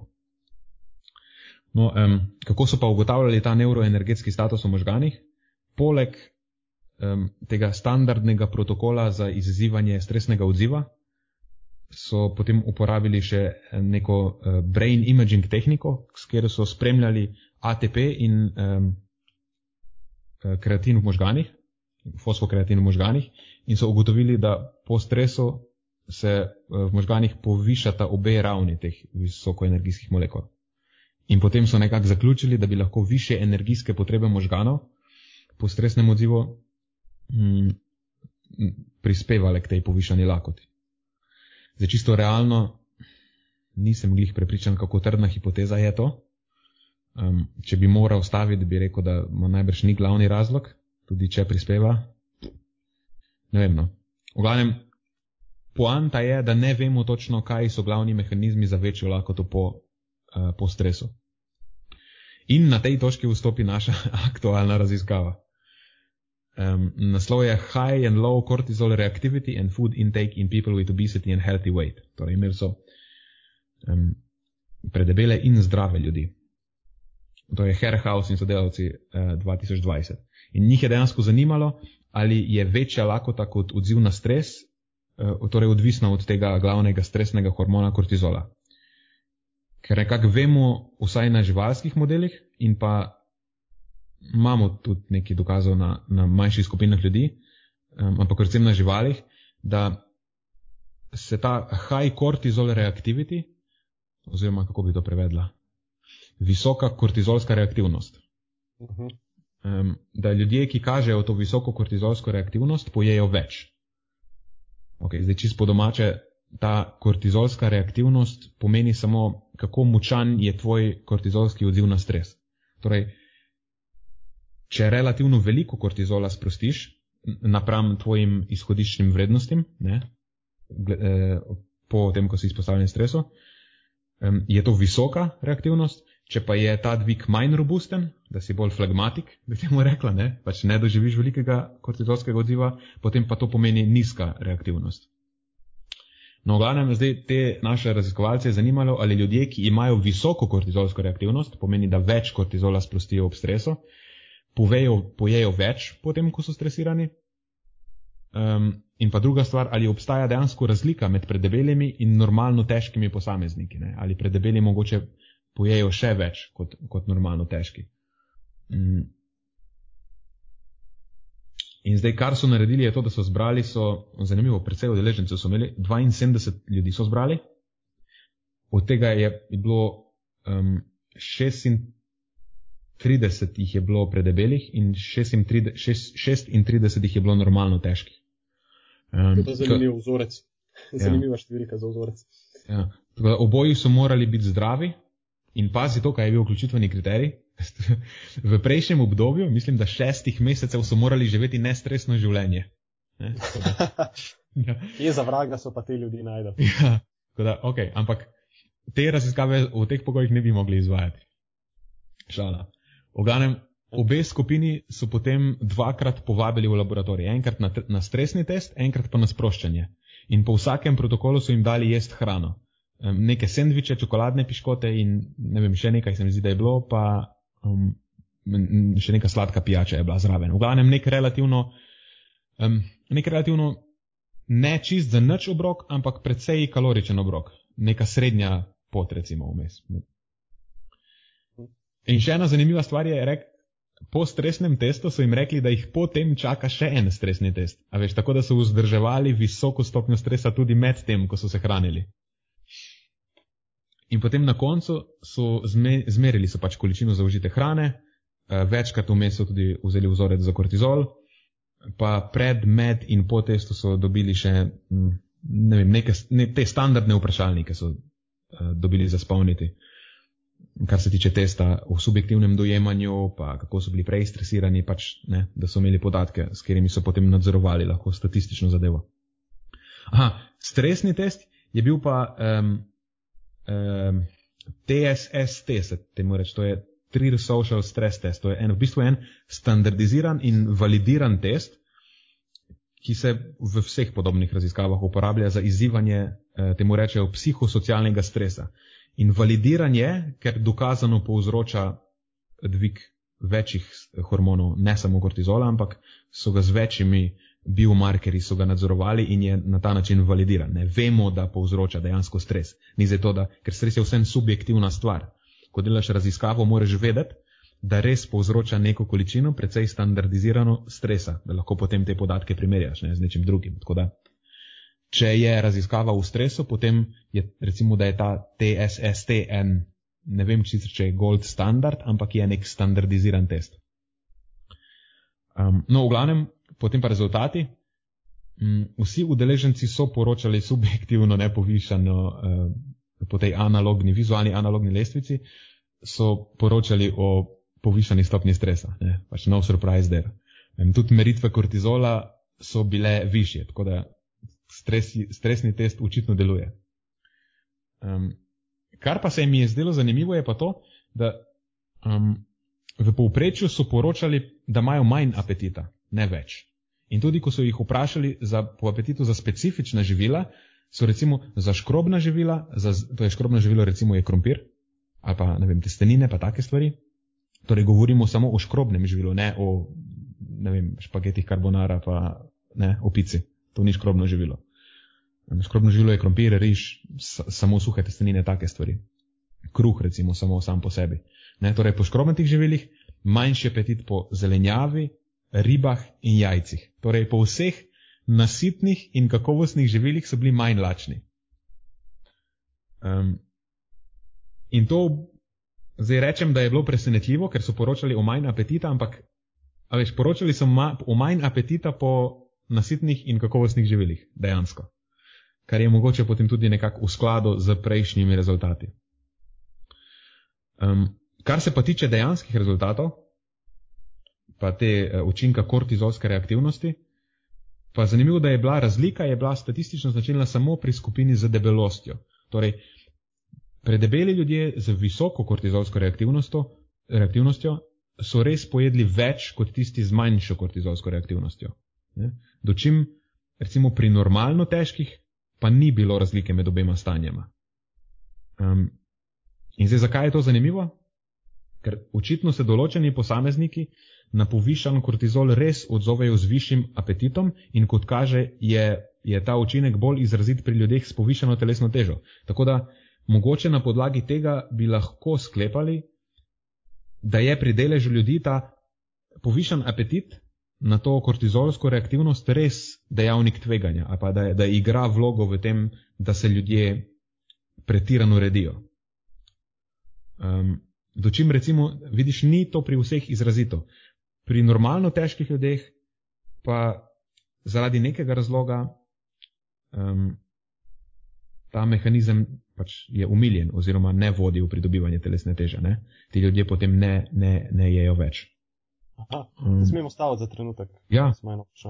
Zdaj, e, to me pravzaprav zanima že iz začetka. Um, v praksi lahko opaziš kakšne ljudi, ki v večini primerov opaziš ta, te, ta tip človeka, ne? večji stres, večjo prenajedanje. Ampak srečaš se pa tudi z ljudmi, ki imajo ravno nasprotni učinek, večji stres, manjše hranjenje. A se ti zdi, da je to a, prav tako vezano na stopnjo prekomerne hranjenosti oziroma s kortizolsko reaktivnostjo ali so tukaj še kakšni drugi faktori v igri?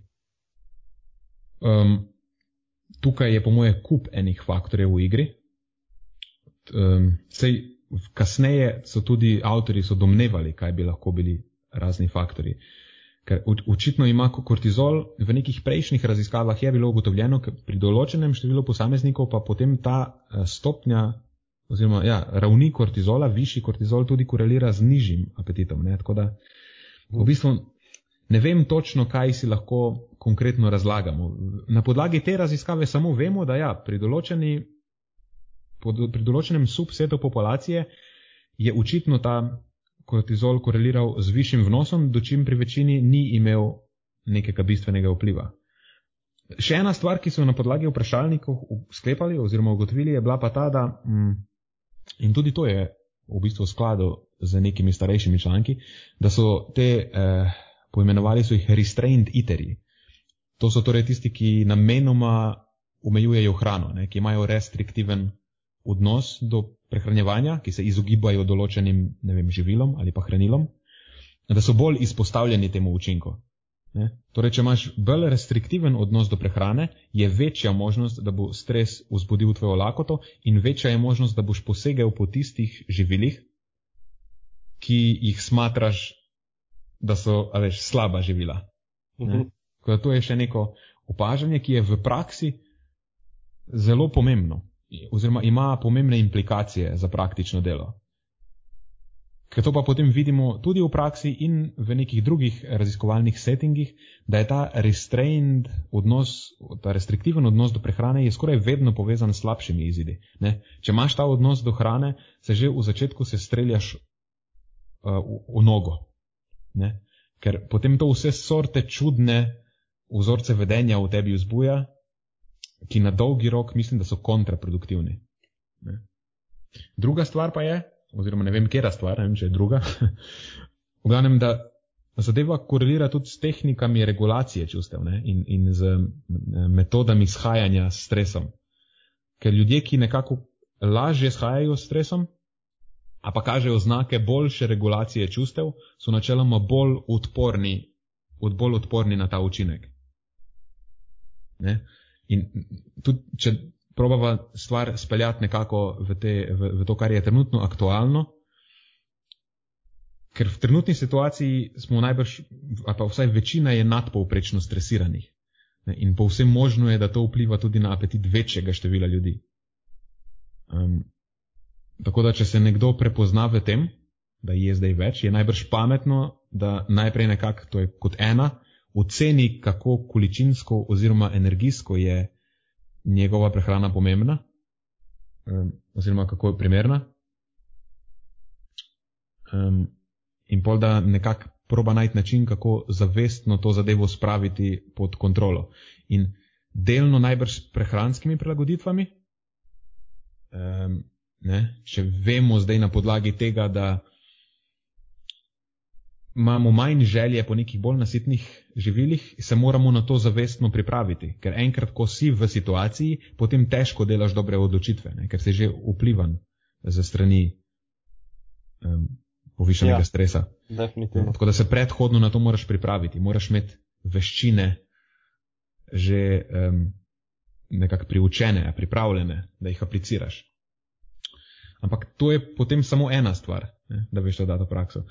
Potem druga stvar pa je, um, in mogoče, no, ok, spet, brezramna promocija. Zdaj, to je ena stvar, v kateri smo mi dobri in vam lahko pomagamo. Ampak delno pa vsem so tudi pomembne tehnike nekega nadzorovanja stresa in te introspekcije in a veš, te neki bolj mehki psihološki prijemi. Ker očitno obstaja bistvena razlika med ljudmi, ki lahko dobro shajajo s stresom, in pa tistimi, ki težje shajajo s stresom, ne? ki nimajo teh tehnik razvitih. In v, mislim, da v, v teh primerih je to pomembna komponenta tega, kako bo nekdo odporen na povišanje lakote po stresu. Ja, zagotovo. Aha, še eno stvar sem se spomnil. Med brskanjem. Down, ko sem šel down the rabbit hole, se, se mi je. Um, ena zanimiva hipoteza, ki pa ima očitno nekaj podpore, namreč uh, žvečenje samo po sebi bi lahko bila tudi ena izmed tehnik shajanja s stresom, nek prirojen mehanizem, mogoče, ne, kako se borimo s stresom, že žvečenje. Ker v neki raziskavi so recimo po žvečenju žvečilnih gumijev so pri ljudeh poročali o, o, o nižjih, to je bilo subjektivno sicer, o nižjih ravneh anksioznosti. Eh, V neki drugi so pa dejansko izmerili nižje ravni stresnih hormonov, oziroma je ta eh, nižje ravni so, mislim, da korelirale z višjo frekvenco žvečenja. A veš, bolj ko so ljudje žvečili, hitreje kot so žvečili, večkrat v ne, neki časovni enoti, nižje so imeli st eh, ravni stresnih hormonov. Da mogoče je pa tudi žvečilni gumi en del rešitve v tem primeru. Mogoče. Ja. Ali pa vsaj, ja, tako je, en del rešitve. Ja, en del rešitve, mogoče. Tako da vsekakor pa so strategije tiste, ne? Ni, ni preprostega odgovora. Sej dejansko niti ne vemo, zakaj do tega pride. Ampak na podlagi podatkov, ki jih imamo, lahko sklepamo in pripravljamo neke strategije, ki jih potem ne tudi s feedbackom ljudi, recimo v praksi, pri našem delu z ljudmi. Mi sestavimo strategijo, ne? ampak potem jo prilagajamo posamezniku. Ne? Posameznik nam poroča nekaj nazaj, in na podlagi, na podlagi tega, kar nam oni poročajo nazaj, ne, mi potem to pre, primerjamo s podatki, ki jih imamo iz literature in na podlagi obeh feedbackov probamo sklepati o najboljšem. In v bistvu je to povzetek evidence-based oziroma, kako je slovenski prevod, z izsledki podprte prakse. Ne. To je znanstven pristop k prehrani, ampak k svetovanju o prehrani. Ni to samo, da mi znamo številke povedati toliko gramov tega moraš pojesti. Ne, ampak dejansko, da znamo znanstveno literaturo prevesti v praktično uporabne svete. Ne, da upoštevamo tudi praktičen feedback ljudi, s katerimi dela, delamo, um, ja, je zelo pomembna stvar. Celo enako pomembna kot to, Morda kaj znanost pravi. pomembno. Ja, a pa morda celo bolj pomembna, ne? ker na koncu dneva na našem področju so pomembni rezultati ljudi. Ni pomembno to, kaj je statistično um, za večino, ne. ja, povprečje, ne? ampak delamo s posamezniki. Tako da, ne, tudi če bi recimo, se to zdaj že raziskave delajo, po- pogosteje najbrž, kot so delale prej, da poročajo tudi o posameznih rezultatih. Kot povprečje, povprečje je včasih drugačno in to zelo drugačno kot pa rezultat posameznika. Ne, se zato pa poročamo konfidenč, v konfidenčnih intervalih, ne, kjer se 95 odstotkov rezultatov znajde. Ker vedno obstaja lahko pet tistih odstotkov ne, ljudi, ki so izven tega povprečja. In ko delaš z njimi v praksi, moraš to upoštevati, ker lahko si dobil glih tistega. In statistično je verjetno, da si ga dobil, oziroma bi bilo čudno, če ga ne boš. Ker če si delal za 100 ljudmi, je lahko pet takih, ki mu ta povprečja nič ne koristijo. Ne? Ker se bo odzval drugače, kot ti narekuje povprečje. Tako da, vidiš, spet sem se zapletel v filozofiranje. Nekaj bova mogla ukreniti glede tega. Prav nič. Zato, ker je bilo zelo zanimivo te poslušati. Ja. Okay. Znaš, to, je, to, je bila moja, to je bila moja glavna tema za danes. Uh -huh. uh, po, povemo, po, povemo še mojo. Ja, mislim, Mogoče en disclaimer za začetek. definitivno. A ga spustimo. Ne, Ne, ne vem, če lahko tako dobro to razložim kot ne, da se bom potrudil. No. Uh, ja, mogoče za začetek en disclaimer. Uh, v originalu je bilo planirano, da se danes malo pogovarjamo o uh, prehrani za možgane. Pustiva to, uh, pustiva to podrobnejšo temo za naslednjič, a ne ne. Ampak uh, moja Ja, sej, lahko povem, da ne bo. Uh, No, dej, to je Ja, malo dala sva preview. ja, Preview. dala sva vprašanje na, iz prejšnjega podcasta na, v našo skupino in so dobila eno zelo zanimivo vprašanje o vplivu prehrane na možgane in kot za nalašč, to je ena izmed stvari, s katero se v pa kar nekaj zadnjih tednov zelo intenzivno ukvarjam. Tako da najbrž v naslednjem podkastu jo bova lahko vsaj nek tak bolj razširjen uvodnik v to bova lahko naredila. Je pa resnica, da je to zelo kompleksno področje. In mislim, ne spomnim se, kdaj me je na zadnje katera eh, podtema prehrane tako pretepla, kot me tole tepe. Moram ti reči. Zdi se mi, da je ta gospa, ki je postavila to vprašanje, da je točno vedela, na kjer struno igra, da, ja, da, da boš ti vesel. Ampak res skup enih zelo specifičnih stvari je, um, veliko nekih stvari, ki jih še ne vemo, um, zelo veliko hipotez, metod, za kere ne vemo, če dejansko res dokazujejo to, za kar um, v zaključkih piše, da naj bi dokazovali. Tako da je res ena. Pff, vsekakor je ja, izziv, je, no? izziv, zelo zanimiv izziv. Tako da, Definitivno. Tako da, če vas zanima ta tema, nama pol prisluhnite tudi naslednjič. Bo Nenad malo podrobneje razdelal te stvari.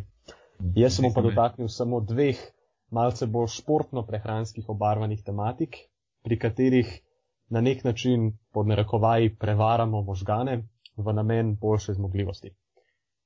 Prva tema, ki mogoče ni tako zelo mainstream oziroma znana širši populaciji, je tehnika splakovanja ust z raztopino oglikovih hidratov. Uh, mogoče, če ste zdaj tole prvič slišali, se sprašujete, kaj za vraga je to. Zdaj, gre se prav za to, da. Gre se pravzaprav za to, da zaužiti ugljikovi hidrati med vadbo imajo lahko pozitiven vpliv na zmogljivost.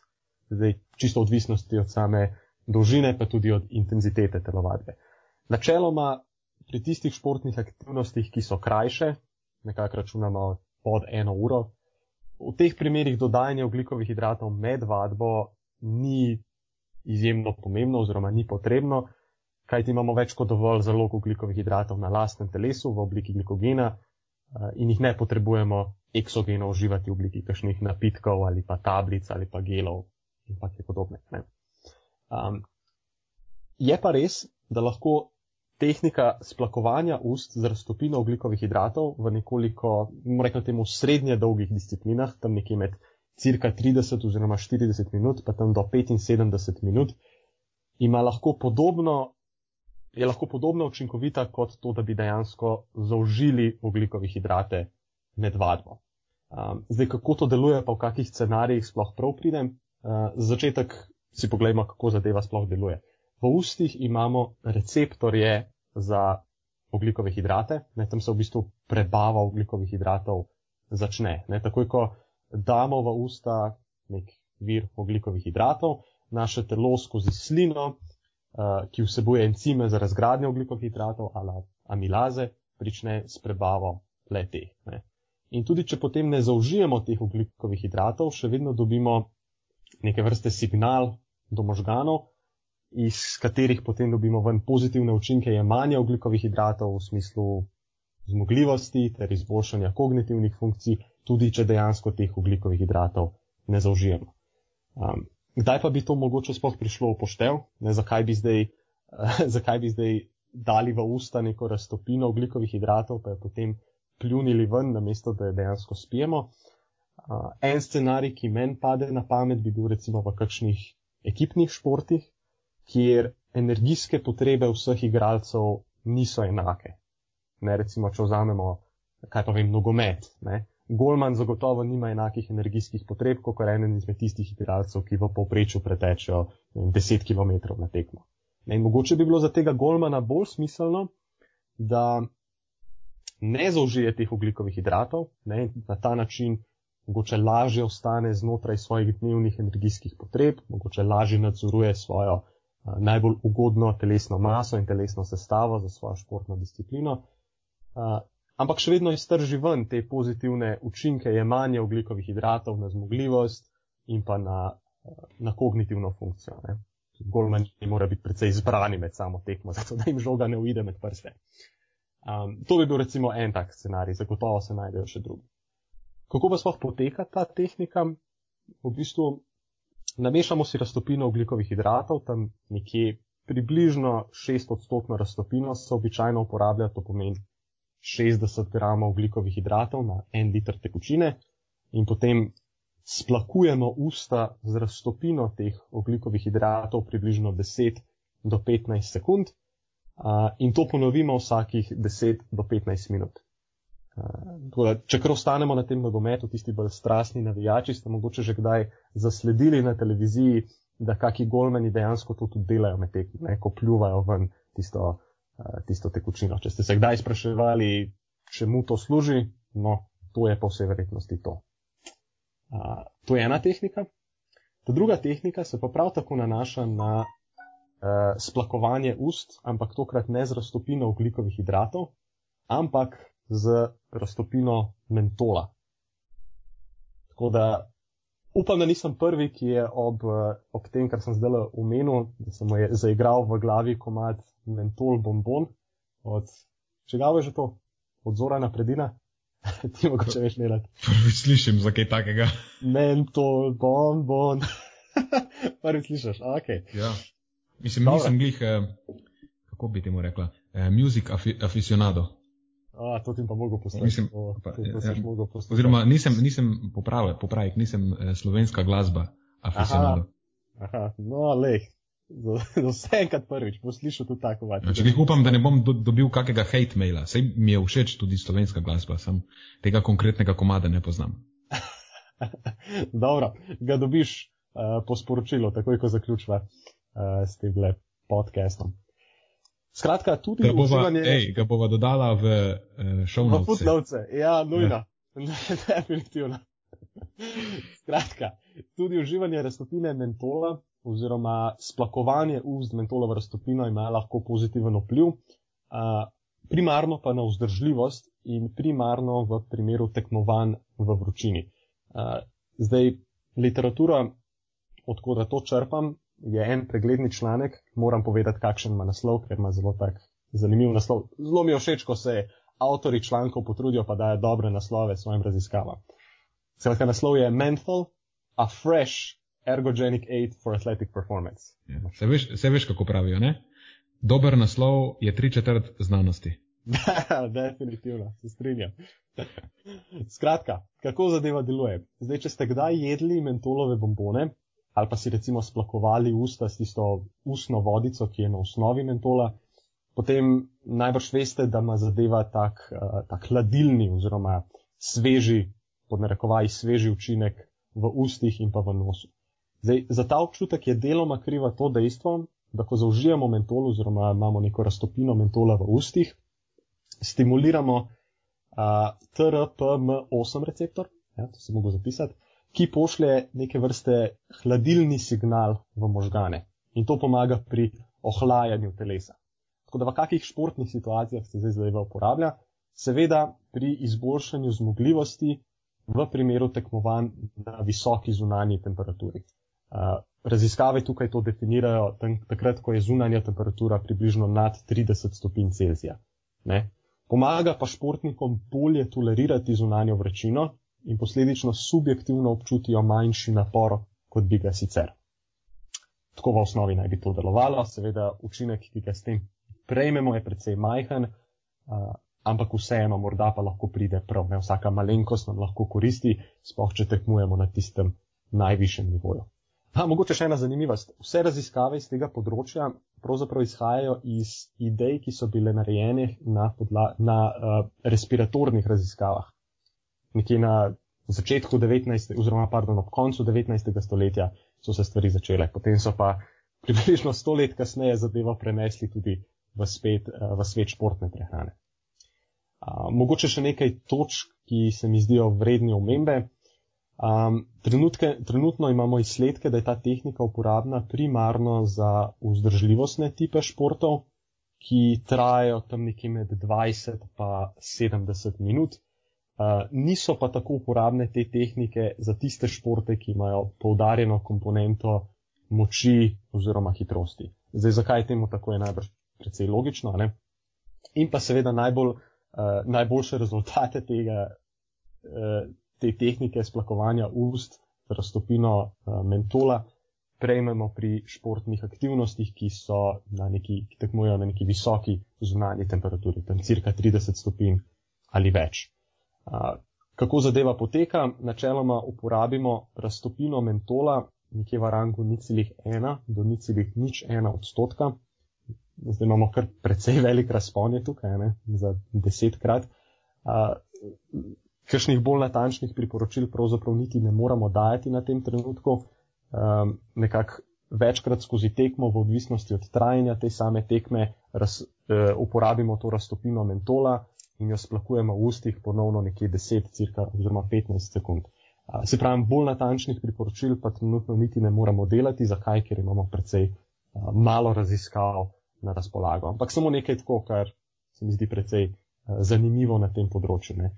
Področje športne prehrane se mi zdi tako izjemno, izjemno zanimivo. Ene te raziskave so take precej fajn zastavljene v takih novih smereh, ne, ker človek mogoče ne bi razmišljal o tem uh, iz samega štarta. Zanimivo. imam tri, tri imam replike, lahko? Ja, definitivno. Najprej prva stvar, zelo mi je všeč, da si zapisal ime receptorja, ker mislim, da to signalizira, da smo res ne, da, eh, dvignila sva standard tega podcasta, vsaj za eno stopničko više. Zdaj, že zapisujeva stvari, da so, ne, da, da so stvari res točne. Eno stvar vam zapisano in to je ime receptorja, ja. ker ne mogel zapisati. Tiho, ena stvar, zapisa, zapisujeva stvari, to je pomembno. um, ja, druga stvar, je preveril, kdo to pri eh, teh eh, športih borilnih veščin. Nekaj tam bi jaz sklepal, da je tvoja kompetitivna prednost ne to, da ti diši iz ust, ne? tam bi lahko bil to minus. to, to, je bila, to je bila šala. Ne, ker mentol pač ti um, polepša dah.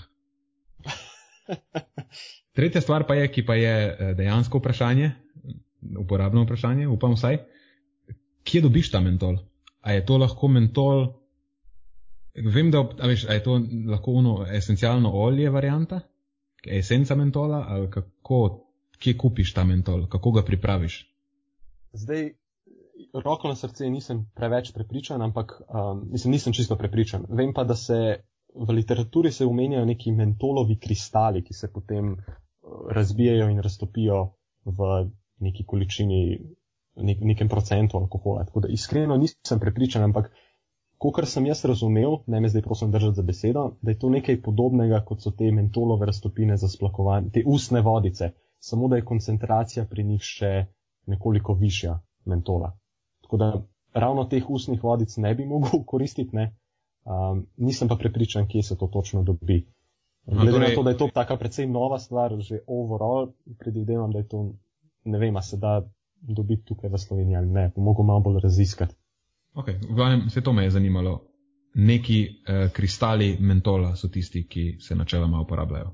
Tako, načeloma, če sem jaz okay. to prav razumel. Ok, sliši se logično.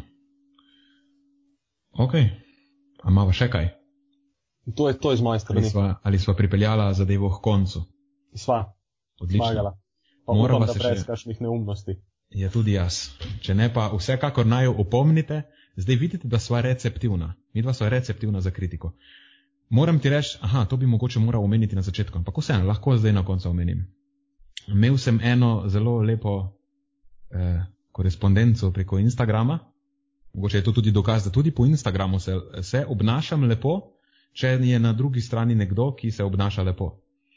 Dobil sem namreč eh, konstruktivno kritiko, ob, ob, mal sem se pošalil iz enega področja eh, družboslovne znanosti, družboslovnih ved. Eh, je bil en, v enem izmed pregledov raziskav iz prejšnjega tedna, ki jih redno spremljam, je bil objavljen en smešen naslov.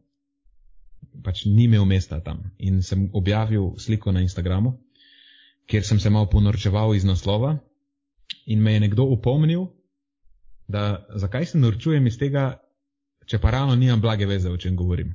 Ne? In pač edino, kar ti preostane v taki situaciji, je, da rečeš, lej, good point, sprejmem to kritiko in se mi je zdelo transparentno tudi ta, tudi ta komentar objaviti potem na Instagramu, da se lahko vsi malo nasmejemo. Um, tako da vsi delamo, vsi delamo uh, včasih prehitre zaključke, tudi jaz, in je prav, da jih priznamo. Da, in vsi delamo napake. Tako da če sva naredila kako napako, me jo opomnite, jo bova popravila. Um, in dejansko, lej, sej, konc koncev, jaz ne vem, zakaj so ljudje jezni, ker jih nekdo opomni, da delajo napako. Ker to, da ti nekdo pove, da delaš napako, pa to je najboljša živa stvar, mislim, to je najboljša stvar, ki jo lahko dobiš v življenju. Ker po točno veš, kaj moraš popraviti. Ker če pa delaš napake, pa ti noben nič ne pove, pol delaš budalo sam sebe. Pa unke ti ne pove, pač ni tvoj prijatelj. On prijatelj je tisti, ki ti pove konkretno v obraz, lej, to je narobe, to spremeni. Jaz ti to govorim, ker je zate to boljše. Ne se delati budalo. Voda. Spet sem se zapletel v filozofiranje. V glavnem, delati napake je dobro in opozarjati na napake je dobro. Je pa tudi fajn, da veš, ne rečeš nekomu, ne biti budalo, da mu rečeš, ne, lej, veš, kaj jaz mislim, da ta zadeva je taka, najbrž delaš, najbrž se motiš, ker potem so tudi ljudje bolj receptivni, če jim to povemo na tak način. Ker če nekomu poveš to na grd način, je precej manjša možnost, da bo to sprejel. Ljudje načeloma nočemo sprejemati. Ne, Kritik, sploh pa če so podane na predsednika. Ja, ko so, ko so podane. Moraš pristopati k temu kulturno. Ja. Ohranjati to kulturno diskusijo. Tudi preko socialnih omrežij, tudi če ni uživo, ampak je telefon posrednik ali pa računalnik. Ja. To mislim, da pogosto pozabimo. Ja. Ker malo več privoščimo tako prek interneta. ja, mislim, je pa na koncu dneva vseeno. Odgovornost je pri vsakem zase. Zdaj, tudi če ti nekdo nekaj na grdi način pove, še zmeraj je tvoja odločitev, da potem rečeš, ok, a je mogoče vse kaj na tem, kljub temu, da mi je to grdo, poved, grdo povedal. A bo zdaj moj ego užaljen, ali bom pač pustil to, da je povedal grdo in bom vseeno ocenil čim bolj objektivno to, kar je povedal, ali je to dejansko res, kljub temu, da je grdo povedal. Ker če ti nekdo pove resnico na grd način, je to še zmeraj resnica. In je v tvoji moči je, kaj narediš potem s to resnico. Ali jo zanemariš zato, ker so bila tvoja čustva malo prizadeta, ali pa spremeniš neko stvar na boljše, zato ker veš, da ti je povedal resnico. S tem bova za danes zaključila. Um, če. Kaj moramo reči? Aha. Ja, valjda spremljate naj podcast še naprej. Uh, objavljen je na vseh teh bolj popularnih podcasting platformah, iTunes, uh, Podbean, Stitcher, uh, Podcast Addict, uh, Pocket Casts, uh, Google, podcast bi moral biti tudi, ampak se nekaj upira, bomo to sanirali. Zdaj naj jo lahko spremljate na, mislim, da na Instagramu smo najbolj aktivna, mene najdete na nenad.filgut, Matjaža najdete na matjaž.filgut, zelo sem vam olajšala te zadeve. Spremljajte tudi naš uh, uraden filgut profil, ki je uh, eh, filgut.si na Instagramu in na Facebooku.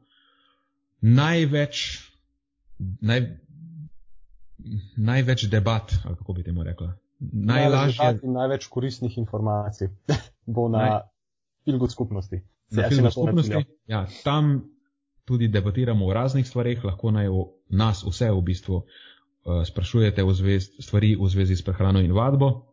To je filgud skupnost na Facebooku. Ja, spremljajte tudi našo spletno stran, vedno je kaj novega objavljenega, članki v raznih stvarih.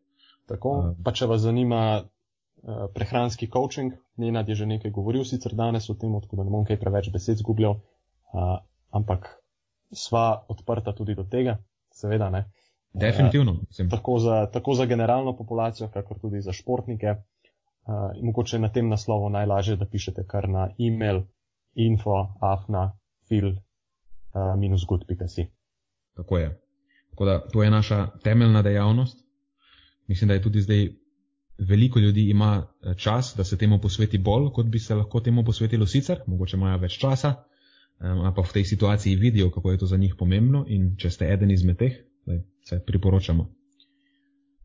Ok, um, potrebujeva še nek avtro. Jaz sem razmišljal, da rečeva, ne vem, ostanite premišljeni do naslednjič ali nekaj takega, ne vem. Zato tudi, zato tudi sprejemava predloge. Za enkrat pač Enkrat ostanite premišljeni. Ja, ostanite premišljeni in se slišimo naslednjič. Tako je.